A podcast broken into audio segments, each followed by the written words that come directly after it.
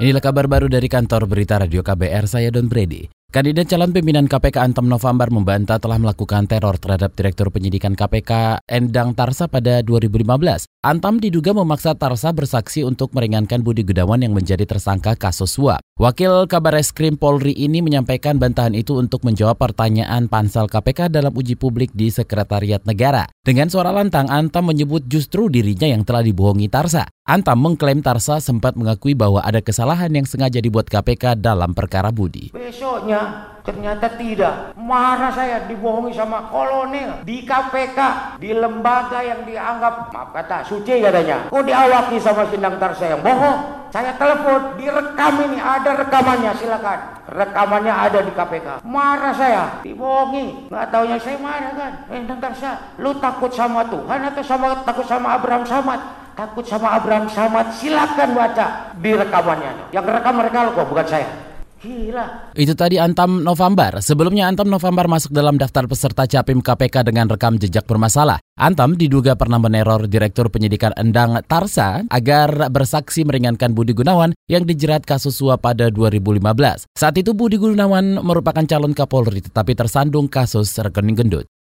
Mabes Polri bersiap pindah ke ibu kota baru di Kalimantan Timur. Hal ini mengikuti kebijakan resmi Presiden Joko Widodo yang memindahkan ibu kota dari Jakarta ke Kalimantan Timur. Wakapolri Aridono Sukmanto mengatakan tengah melakukan sejumlah persiapan termasuk membahas kemungkinan pemindahan satuan kerja. Sudah rapat-rapat untuk persiapan pemindahan apa satuan-satuan kerja mana yang akan bergeser dan mana yang akan tetap di sini ya. Sudah Ya, Mabes Polri, pemerintahan, pusat kegiatan administrasi daripada kepolisian, khususnya tentang strategi dan kebijakan pasti bergeser semua ke sana. Untuk pelayanan kan tetap sama seperti Polda-Polda ada tetap hanya pusat Mabes Polri-nya saja kita pindah. Itu tadi Wakapolri Ari Dono Sukmanto. Kemarin Presiden Joko Widodo mengumumkan lokasi ibu kota baru di sebagian wilayah Penajem Pasar Utara dan Kutai Kartanegara. Jokowi menyebutkan sejumlah keunggulan dari wilayah itu di antaranya minim potensi bencana dan dekat dengan kota berkembang.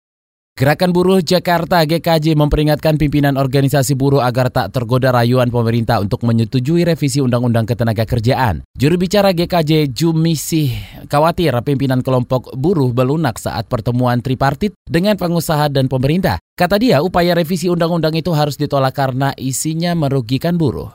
Karena kalau ada salah satu atau salah dua pimpinan federasi atau konfederasi yang menyetujui revisi, itu akan dijadikan legitimasi oleh pemerintah untuk ya revisi. Itu Juru bicara GKJ Jumisi menambahkan perwakilan buruh yang masuk forum tripartit pernah mendapatkan informasi dari pemerintah ihwal rencana revisi itu. Namun pemerintah hanya memberi poin-poin revisi saja tanpa menyerahkan draft utuh.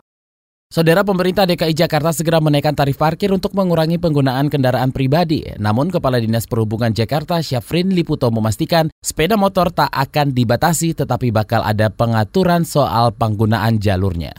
Kita berharap bahwa paralel dengan implementasi perluasan ganjil genap, ini kita akan lakukan kanalisasi sepeda motor.